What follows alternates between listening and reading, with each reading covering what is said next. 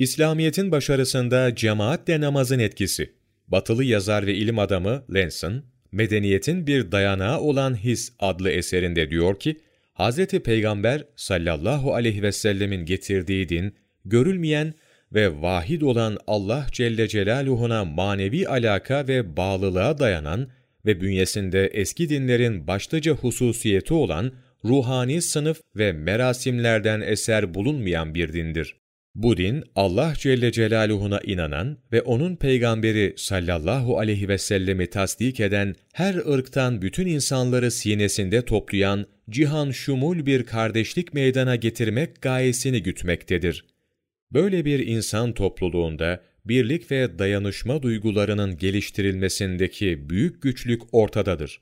Bütün tarihçiler, İslamiyet'in kısa zamanda dünyayı kaplamakta gösterdiği muvaffakiyeti, ümmet içindeki fevkalade birlik ve aynılık hislerine bağlarlar. Ama bu mucizenin nasıl meydana geldiğini açıklayamamaktadırlar.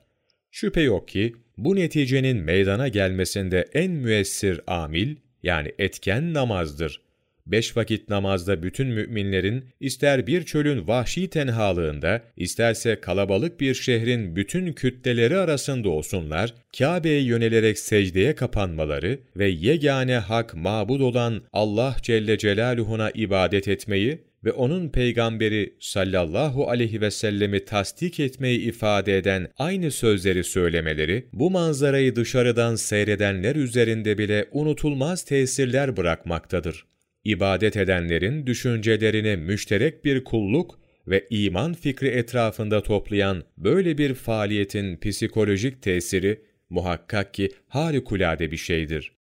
Hazreti Peygamber sallallahu aleyhi ve sellem, topluluk içinde birlik ve dayanışma duygusunun meydana getirilmesinde, cemaatle ibadet etmenin muazzam kudretini gören ilk insandır. Ve şüphe yoktur ki, İslam'ın büyük kuvveti, Müslümanların beş vakit namaza sımsıkı sarılmalarındandır.